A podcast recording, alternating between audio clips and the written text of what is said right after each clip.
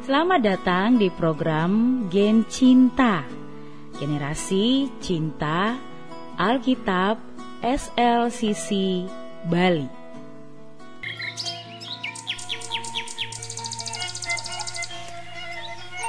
Pertobatan menghasilkan pemulihan. Mazmur 51 ayat 1 sampai 21 Korban sembelihan kepada Allah ialah jiwa yang hancur. Hati yang patah dan remuk tidak akan kau pandang hina, ya Allah.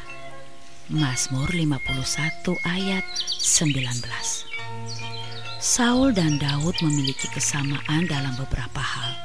Di antaranya, sama-sama pernah menjadi raja atas Israel dan sama-sama diurapi Tuhan dari tabung tanduk nabi yang sama, yaitu Samuel. Pengurapan Saul dan pengurapan Daud sama, sehingga roh Tuhan berkuasa atas hidup mereka. Roh Tuhan menyertai kehidupan keduanya. Kesamaan yang lain, Saul dan Daud pernah jatuh dalam dosa. Karena tidak sabar menantikan kedatangan Samuel, Saul melakukan tindakan bodoh yaitu berani mempersembahkan korban bakaran dan korban keselamatan di Gilgal. Padahal tugas mempersembahkan korban adalah tugas seorang imam. 1 Samuel 13 ayat 8 sampai 12. Sedangkan Daud melakukan dosa persinahan dengan Betsheba. 2 Samuel 11 ayat 1 sampai 5.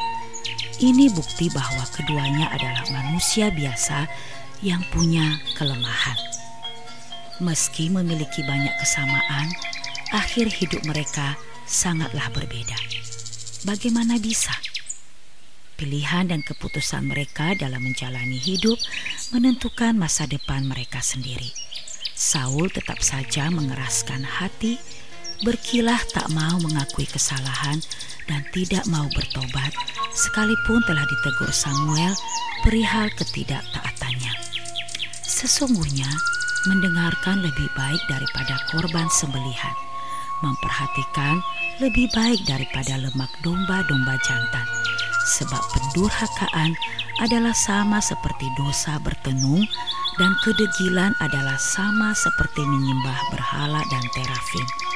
Karena engkau telah menolak firman Tuhan, maka ia telah menolak engkau sebagai raja. 1 Samuel 15 ayat 22 sampai 23.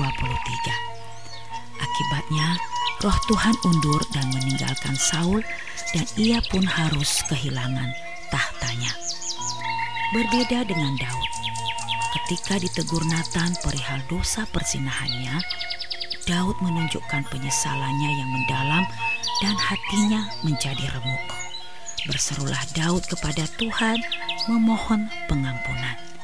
Sembunyikanlah wajahmu terhadap dosaku, hapuskanlah segala kesalahanku. Janganlah membuang aku dari hadapanmu, dan janganlah mengambil rohmu yang kudus daripadaku. Mazmur 51 ayat 11 dan 13. Tuhan berkenan kepada pertobatan Daud sehingga rohnya pun tetap menyertai.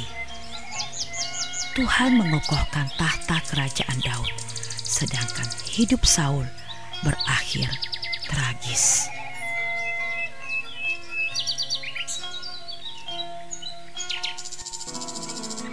Demikian program Geng Cinta, generasi cinta Alkitab kita hari ini.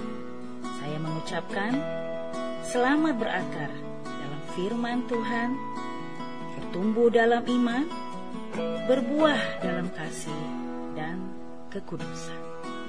Tuhan.